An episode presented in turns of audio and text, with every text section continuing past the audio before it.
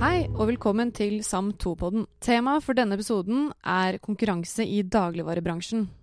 For du har kanskje merket det. Når du er i utlandet, så har de mange flere dagligvarebutikker og mange flere varer å velge mellom når du først er inne i butikken.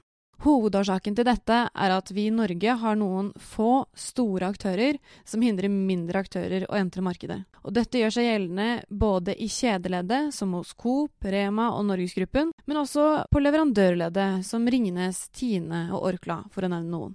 Men er det så farlig, da? Jeg er i hvert fall godt fornøyd hvis jeg får Norvegia på skiva og Boy i glasset. Det har faktisk noe å si. For dersom denne konsentrasjonen av aktører er så sterk at den påvirker konkurransen mellom bedriftene, som igjen fører til høyere priser hos forbruker, ja, så har vi et problem. Og under mistanke om at enkelte kjeder faktisk får bedre innkjøpspris fra leverandører enn andre, ble Konkurransetilsynet bedt om å utrede om det er lurt å innføre et forbud mot prisdiskriminering i dagligvarebransjen. Rapporten var klar i 2019 og konkluderte med at et slikt forbud ikke var ønskelig. Dette var til stor skuffelse for kjeder som Rema 1000 og kolonial.no. Vi tok dermed opptaksutstyret fatt for å få svar på hvordan det står til med konkurransen i norsk dagligvarebransje. Hvordan blir prisene egentlig satt på norske dagligvarer, og hvorfor er det ikke så lurt å innføre et slikt forbud mot prisdiskriminering mellom leverandør og kjedeledd? Vi tok først en prat med Bård Gultvedt, direktør for næringspolitikk og samfunnskontakt for Norgesgruppen, for å høre hvordan de reflekterer rundt konkurransen i markedet de opererer i, og hva de synes om et eventuelt forbud. Så jeg tenkte å starte med spørsmålet hvem er Norgesgruppen? Jo, Norgesgruppen er jo et uh, relativt stort selskap i uh, dagligvare- og matmarkedet i Norge. Vi har jo kjedene Kiwi, Meny, Spar og Joker. Så har vi noe, uh, noen kiosker. Og så leverer vi en del mat til storhusholdning. Så vi har ca. 43% av dagligvaremarkedet i Norge. Og hvem er det som deres anser som deres største konkurrenter? Ja, de fremste konkurrentene det er jo det er Rema og Coop. Så har vi jo svenskehandelen, som er en ganske stor konkurrent. Og en rekke nye utfordrere som selger dagligvarer. Det er mange nye aktører som, som har kasta seg inn og prøver å ta en bit av det. Så du har eh, grossister og detaljister. Grossistene, hva er det de gjør? Ja, grossisten eh, kjøper inn varene, eh, lagerfører dem og kjører dem ut til butikkene.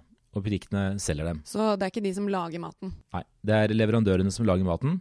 Eh, grossisten eh, kjøper eh, maten, henter dem stort sett på rampa til leverandørene.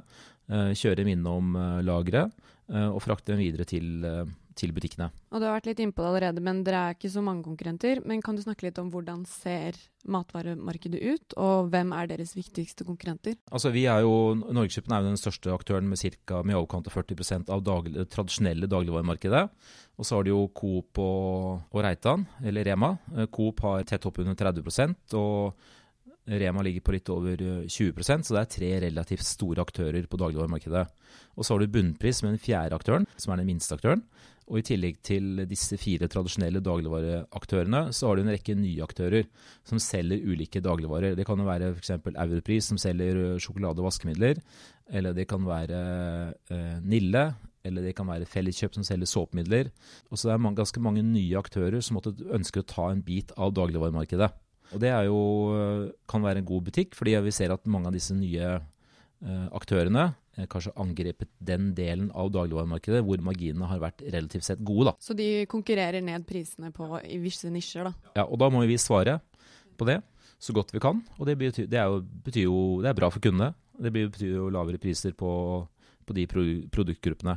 Men du, selv om man har de som konkurrerer inn i nisjene, så er det jo ganske få. Hva kommer det av? Nei, altså Det har jo vært uh, flere offentlige utredninger som har sett på og prøvd å finne svar på det. Annet Oslo Economics leverte jo en ganske stor rapport for et par år siden. Hvor de så på hvorfor er det ikke flere utfordrere på norske dagligvaremarkedet. Og Da sammenligner man jo med de nordiske landene.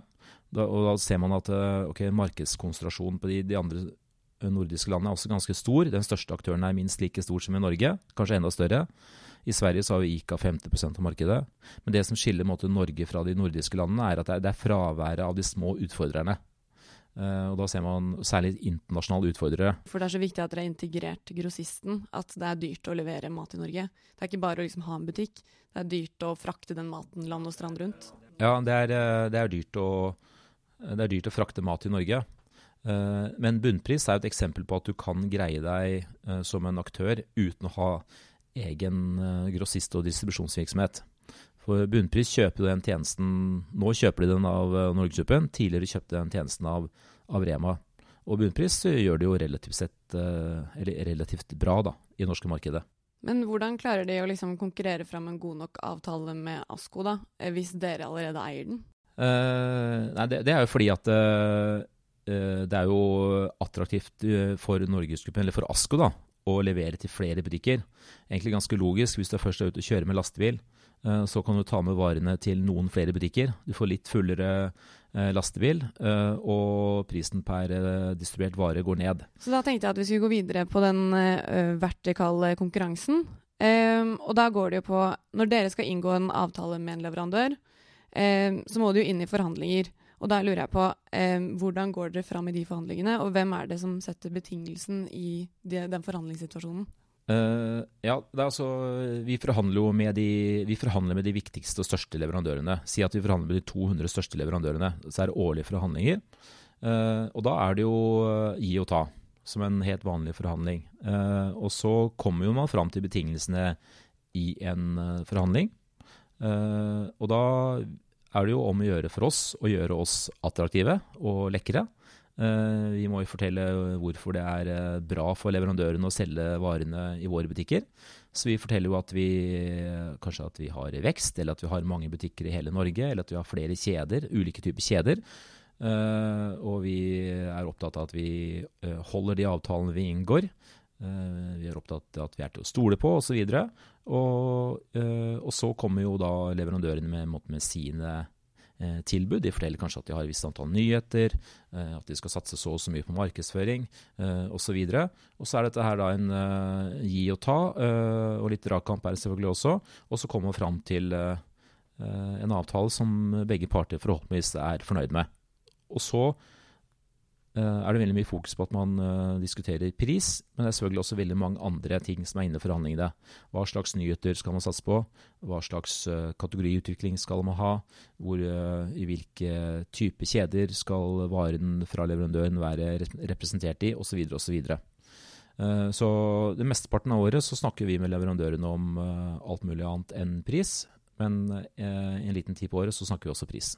Men jeg tenker at um, det vil variere ut fra hvilke produkter dere konkurrerer på. Altså sånn si i meieriproduksjonen så har de forskjellige leverandører. Og så er det, eh, mens i ølproduksjonen har de forskjellige leverandører. Og så er det forskjellig antall. Så uh, hvor, hvor, hardt du kan drive forhandlingene, vil jo av, avhenge av hvor høy konsentrasjonen er i leverandørleddsektoren. Ja. Ja, det er, dette er jo veldig sammensatt. og uh, Eh, I Norge så er det veldig mye fokus på måte, at det er eh, eh, konsentrasjon på dagligvaremarkedet, eller på kjedesiden. Men i, det er jo også veldig sterk konsentrasjon på leverandørsiden. Eh, innenfor eh, mange varegrupper så har jo leverandørene opp mot 70-80-90% av sin kategori. Og, er, og, leverandørene har veldig sterke merkevarer, så det er klart at leverandørene har også veldig mye makt. Eh, det er mange merkevarer vi eh, sannsynligvis ikke kan greie oss uh, uten. Jeg vil tro at veldig mange studenter her på, i Bergen f.eks. ville produsert kraftig hvis vi ikke hadde uh, Grandiosa pizza, eller, eller bergenserne ville gått i i harnisk hvis ikke vi hadde favorittølen deres. Så det er mange eksempler på at leverandørene har kjempesterke merkevarer som ikke vi kan greie oss uten. Så vi opplever det sånn at, at, det er en maktbalanse mellom leverandørene på den ene siden og oss dette og hvilket utslag for det Altså den, eh, disse balansene, da. Eh, hvilket utslag for det for sluttpris for konsumenten? Eh, det er et godt spørsmål. Eh, vi forhandler jo selvfølgelig eh, hele tiden for, om å forhandle ned de foreslåtte prisøkningene fra leverandøren. Leverandøren kommer til oss og sier at de må ha så og så mye mer for varen eh, de produserer. og vi sier at vi det, blir, det, er, det, er, for mye, vi må ha prisen ned. Og sånn, eh, Det er jo helt eh, naturlig og et, eh, egentlig ganske logisk at det foregår på den måten. Og forhåpentligvis så kommer man jo fram til sluttresultat som er bra for kunden. Og det er jo sånn at hvis vi gjør noe som kunden ikke liker, så reagerer jo kunden veldig raskt. Mye raskere nå enn tidligere.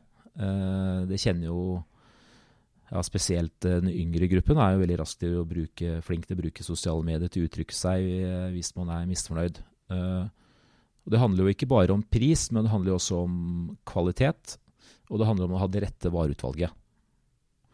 Uh, og det å ha et riktig vareutvalg blir jo kanskje mer og mer komplisert, fordi at forbrukeren blir mer og mer uh, opptatt av uh, sine egne interesser. Det kan være økologi, eller det kan være etisk handel, eller det kan være allergier, eller det kan være opprinnelse, dyrevelferd. Det er mange forhold som forbrukeren er opptatt av, som vi må ta hensyn til.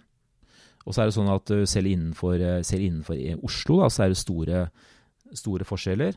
Eh, på den ene siden av byen så er de opptatt av eh, noe som de andre på andre siden av byen er, ikke er opptatt av. Så du kan liksom ikke ha det samme vareutvalget innenfor én by heller. Og dette, blir, uh, dette, må vi ta hensyn til.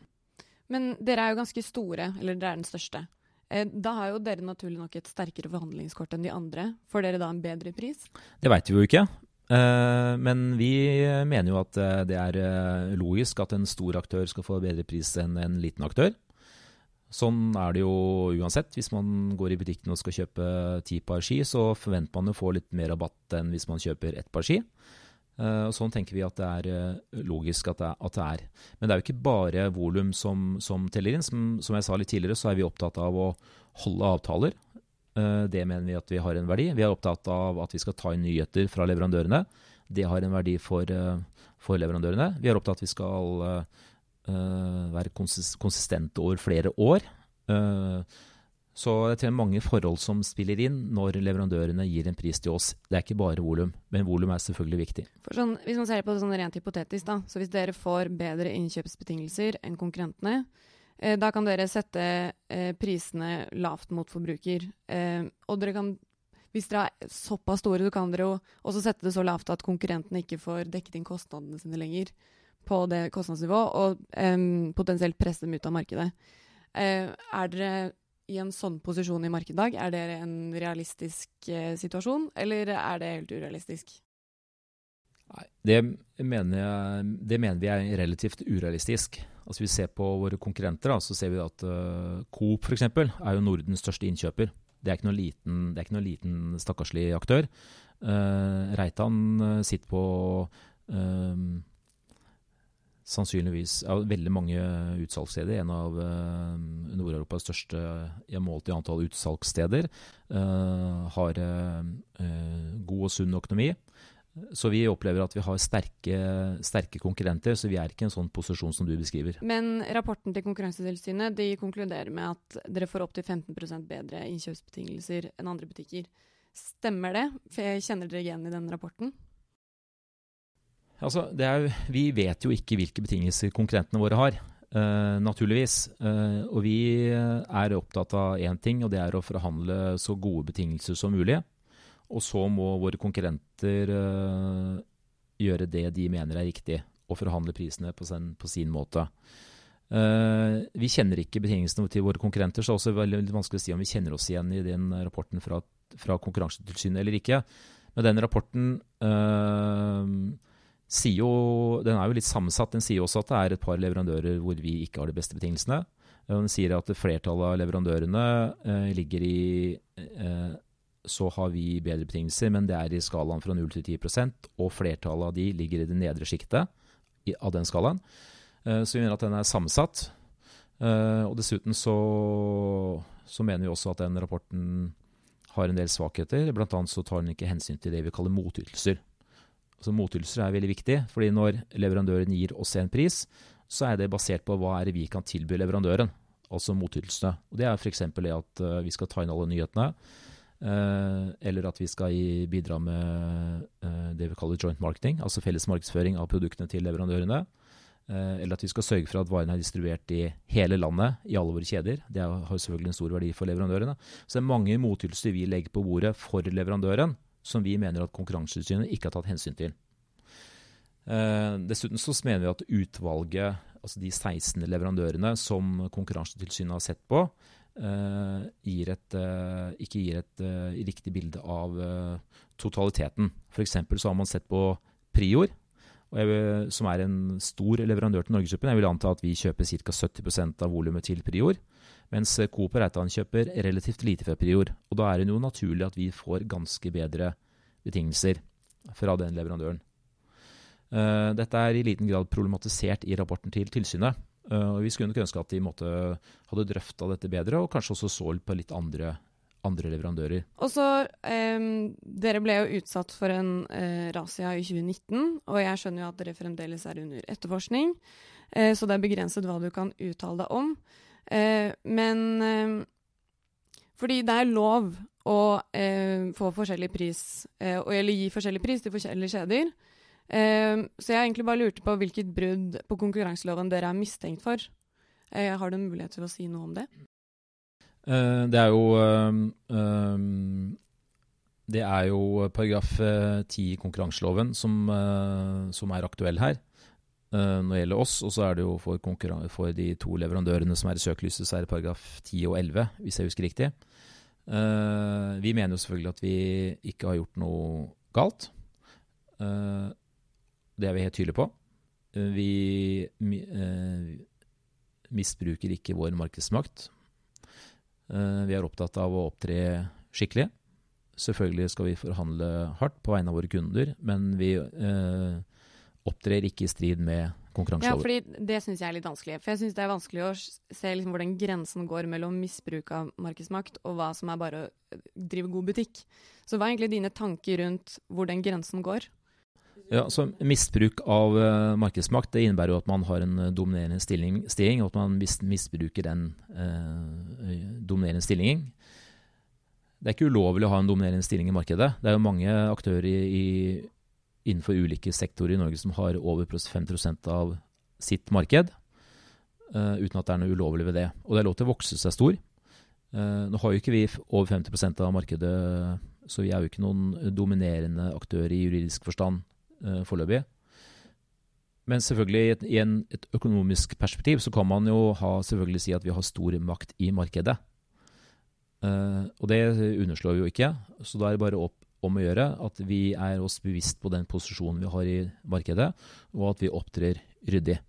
Uh, men vi skal heller ikke være, drive med snillisme.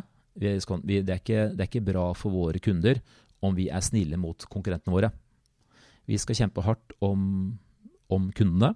Det tjener kundene på. Nå er det en underutredning om, om, det skal komme et forbud mot prisdiskriminering eh, for leverandørene. Eh, og Der lurte jeg på hva er Norgesgruppen tanker rundt det forbudet?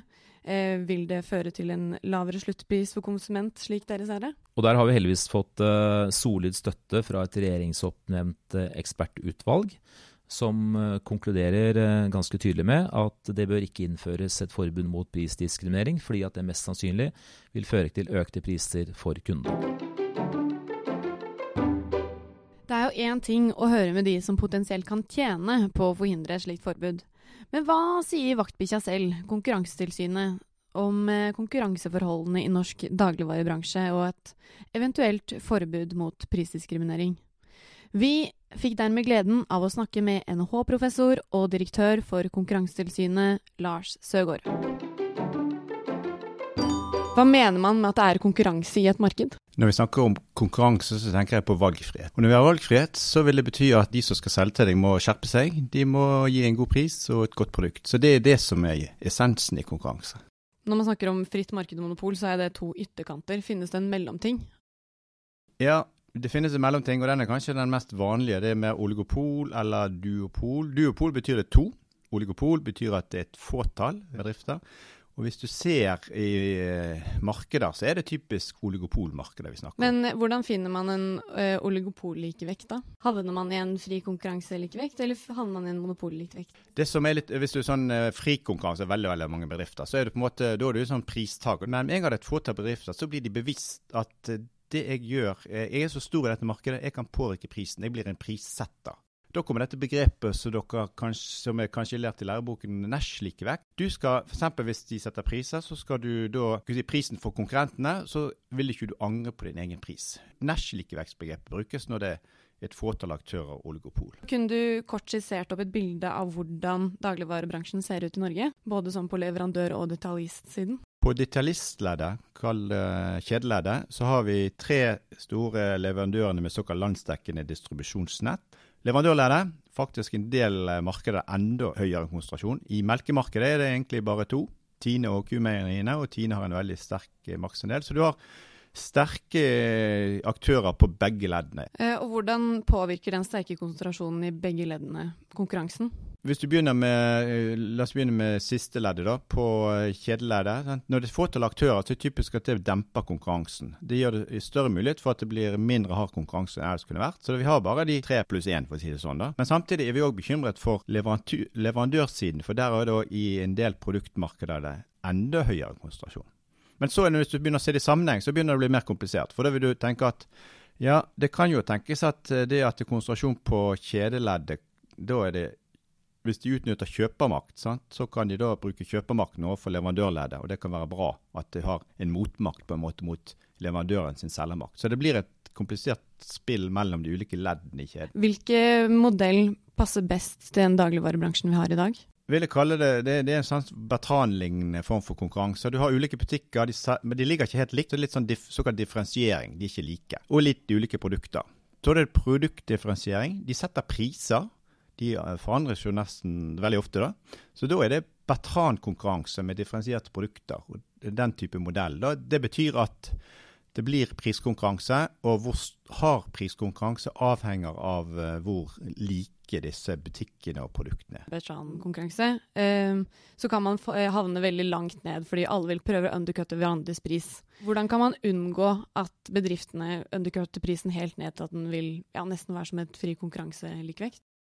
Det er litt sånn paradoksale. Hvis det er sånn at det er stor fare for at det blir veldig hard konkurranse, så blir det kanskje ikke konkurranse. For Hvis du begynner på underkutting, hvis du setter prisen litt under, så vil konkurrenten svare, og så du utløser en priskrig som er helt ødeleggende. Så denne dynamikken der med at du tenker langsiktig, kan holde det i sjakk. og Det betyr at du kommer bort fra den Bertrand-likevekten over på det som vi kaller collusion i læreboken, altså kartell. Og hvordan, eh, hvordan kan man opprettholde et sånn type kartell?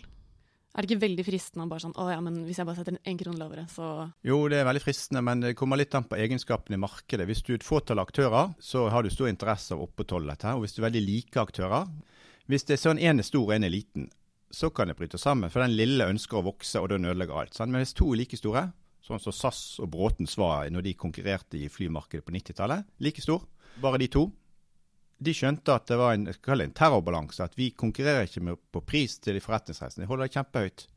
Og så eh, unngår vi den ødeleggende konkurransen. da. Og det, det, er et lovlig kartell, ikke sant? Når man bare observerer den andre. Men kan man se for seg at det er ulovlige karteller også? Ja, det er lovlige, og så er det ulovlige si, karteller eller collusion. Eh, så lenge de gjør det hver for seg, eh, så er det lovlig. Så hvis da disse to bedriftene Hvis jeg skjønner at du setter høy pris, du skjønner jeg setter høy pris, og vi tør ikke bryte ut, men vi har aldri snakket sammen, det er lovlig. Men hvis du tar en telefon til meg, så er du straks over streken. Og så er det noe gråsone mellom der, da. Og Da er vi litt som inn på der hvor dere opererer, da, i Konkurransetilsynet, som handler om å regulere disse markedene. Så det er egentlig mitt spørsmål. Eh, hvilken type samarbeid er det konkurranseloven regulerer? Den første går på det vi har snakket om nå. såkalt eh, Det er et forbud mot konkurransebegrensende samarbeid. Og det går både horisontalt og vertikalt. Og horisontalt mener jeg mellom bedrifter som konkurrerer. Og så går det på det vertikale, så det er mellom en eh, leverandør og en, si, en kjede. Det er den ene som går på ulovlig samarbeid. Det andre er såkalt et forbud mot misbruk av dominans. Så hvis du er en stor aktør i markedet, det er ikke ulovlig i seg sjøl, men da kan du gå over streken hvis du misbruker den dominansen. Hvorfor er det så vanskelig å avdekke sånne prissamarbeid? Går det kan du egentlig bare gå i butikken og se om prisene er like? Hadde det vært så lett, så kunne vi funnet mye, tror jeg. Men eh, hvis du ser like priser, så kan det være to forklaringer. Det ene kan være at de, de har blitt enige om å sette like priser, og at det er ulovlig. Det andre er at de rett og slett konkurrerer så hardt, og så ender de på lik pris. I disse modellene våre med Bertran eller annet, så vil de ofte ende på lik, lik pris, selv om de konkurrerer. Så vi må, vi må gå bak det. De sakene som har vært mest om i media de siste, går på den razziaen dere hadde i november 2019. Eh, og hvem var det dere aksjonerte mot da, og hva var det dere ønsket å avdekke i den razziaen? Vi har undersøkt om det er forskjeller i innkjøpspriser. Dvs. Si, er det slik at leverandør X tar en mye lavere pris til Norgesgruppen enn til andre, så fant vi at for noen leverandører så var det ganske store prisforskjeller. Over 15% prisforskjeller. Så Norgesgruppen fikk billigere enn Rema og Coop. Og Da stiller vi spørsmålet kan dette være konkurranseskadelig. Det er ikke sikkert det er det, men vi tenker at vi må undersøke nøye hvordan dette foregår, eh, hvordan prisene da blir satt. Er det slik at noen kjeder får høyere pris enn de ellers ville fått, og de kjedene da må selge til en høyere pris ut til kundene? Er det ikke en god forhandling og en god pris? Jo, du er inne på at det, det er argumenter både for og mot. Det. Hvis det er slik at de bare forhandler, og noen forhandler prisen veldig ned, eh, da er det bra i seg sjøl, og da forventer vi at det er bra for kundene. Men så finnes det modeller da, som sier at eh, i visse bestemte tilfeller så kan da det at det blir forskjell i priser, føre til at noen betaler høy pris. Og da kan det være problematisk. Kunne du kort eh, skissert opp hvordan et vertikalt marked typisk ser ut, og hvordan det ser ut i norsk dagligvarebransje? Vi kan ta det med, gjennom et eksempel. Hvis du tar eh, melkemarkedet, eh, så er det jo bøndenes først. og de har laget et uh, selskap selv som de selv eier, som heter Tine. Altså, Tine tar imot melken, så uh, sendes de til butikkene. Og Da går det fra Tine og så går det til de som er dagligvarebutikker, altså gjennom et distribusjonssystem. Så går det, Tine vil da selge både hos Rema og Coop og Norgesgruppen. Hvem er det som taper på at det er høy konsentrasjon? Hvis du ser samlet på det, så er det til slutt forbrukerne som taper på det. For dette, uh, høy konsentrasjon totalt sett bidrar uh, til uh, mindre konkurranse og kan føre til høyere priser og mindre produktutviklinger. Og som du nevner i Dere har jo undersøkt på en måte hvorvidt det er og, butikkene opplever som rettferdig at det er så vanskelig å etablere seg på markedet, og om i hvilken grad går det utover konsumenten Eh, så med utgangspunkt på den eh, ekspertutredningen som regjeringen bestilte, eh, vil et forbud mot prisdiskriminering føre til at verdiskapningen i kjeden øker? og hvordan vil konsumentene komme ut av en sånn type forbud? Det har vært en, en lang debatt nå siste året spesielt om pris, mulig prisregulering. Dvs. Si at du skal pålegge leverandører å sette like priser til ulike kjedene. Ekspertutvalget gikk jo gjennom den, alt det som er skrevet, og de konkluderer med at nei, eh, de fraråder at det blir eh, prisregulering på den måten. Og de sier at og grunnen er at det er fare for at det fører til høyere priser istedenfor lavere pris til oss sluttkunder. Og Litt av grunnen til det er at eh, dagens ordning der leverandører forhandler med hver enkelt kjede, det fører til eh, at du har insentivet til å forhandle hardt. Hver kjede forhandler hardt for å få bedre betingelser enn andre kjeden, og, det er bra, og da får du ned prisene. Hvis du sier at alle prisene, du skal ha like priser, så vil jeg med uh, hver kjede ikke ha så sterke insentiver til å forhandle, for de forhandler jo på vegne av sine konkurrenter på en måte, og alle får like priser. Og så kan du si at leverandørene heller ikke har sterke insentiver til å sette ned prisen. Han kan bare si til den han forhandler med at du, hvis jeg setter ned til deg, så må jeg sette ned til alle de andre òg. Det blir så dyrt at jeg gir ingen rabatter. Så det er et Forhandlingen undergraves. Det er argumentet de bruker for å ikke prisregulere. Eh, men hva kan være et argument for å prisregulere, i og med at man prøver å utrede et sånn type forbud? Det argumentet som er trukket mest frem, eh, og som også skrives om i denne rapporten, det, det gjelder såkalt utsidealternativet. Tenk på eh, at Norgesgruppen har mye de, størst, de har større mulighet enn de andre til å produsere varen selv. Det blir en reell trussel. Når det er en reell trussel, så vil leverandøren gi dem en veldig god pris for å hindre dem fra å produsere varen selv. Og, så da får de en lav pris, og de andre får en høy pris. Og så tenkte jeg at du nå sier at det skal være like priser. Ja, da vil det fortsatt være sånn at prisen, innkjøpsprisen blir lave, faktisk veldig lave. fordi at den leverandøren vil fortsatt ønske å få Norgesgruppen til å kjøpe deres varer, så må de da sette en lav pris fortsatt, faktisk enda litt lavere, for å overbevise, gjøre det lønnsomt for Norgesgruppen å kjøpe. Så da plutselig en prisregulering fører til lavere pris i de tilfellene. Og da kommer vi inn på mitt siste spørsmål, som er om du syns det er en god idé å innføre et forbud mot prisdiskriminering? Jeg har eh, ganske tidlig advart mot det, og det er mitt argument har vært helt i tråd med det som ekspertgruppen òg legger vekt på, dette med at vi undergraver forhandlingene. Jeg er redd for at eh, et generelt forbud vil undergrave forhandlingene, og da kan vi fort ende opp med institusjonen med høyere priser. Men samtidig, når det er såpass store forskjeller for visse leverandører, så må vi undersøke om det er konkrete tilfeller der prisforskjellene har uh, vært skadelige. Uh, og det er nettopp det vi gjør gjennom de, den saken som vi har nå åpnet. Så for å svare på spørsmålene som ble stilt innledningsvis, så er svaret at det er stor konsentrasjon både i leverandørleddet og i kjedeleddet. Men konkurranseloven verner kun om forbruker, og ikke aktørene på markedet. Så så lenge denne konsentrasjonen ikke får en negativ virkning for pris til forbruker, så er Lars Sjøgaard happy. Og prisene på dagligvarer de blir satt via harde forhandlinger mellom dagligvarekjede og leverandører. Og ifølge utvalget så fører disse forhandlingene til at forbruker får en lavere sluttpris, sammenlignet med om det hadde vært et forbud mot prisdiskriminering. Og med dette så vil jeg rette en stor takk eh, til Lars Høregård og Bård Gulltvedt, som tok seg tid til å svare på smått og stort om det vi lurte på om norsk dagligvarebransje. Jeg vil også rette en takk til Vetle Økland for musikk til jingle, og Jon Blekastad for grafikk. Denne podkasten er laget av meg, Ada Hetland, og produsent Ole Christian Dyskland for Norges handelshøyskole.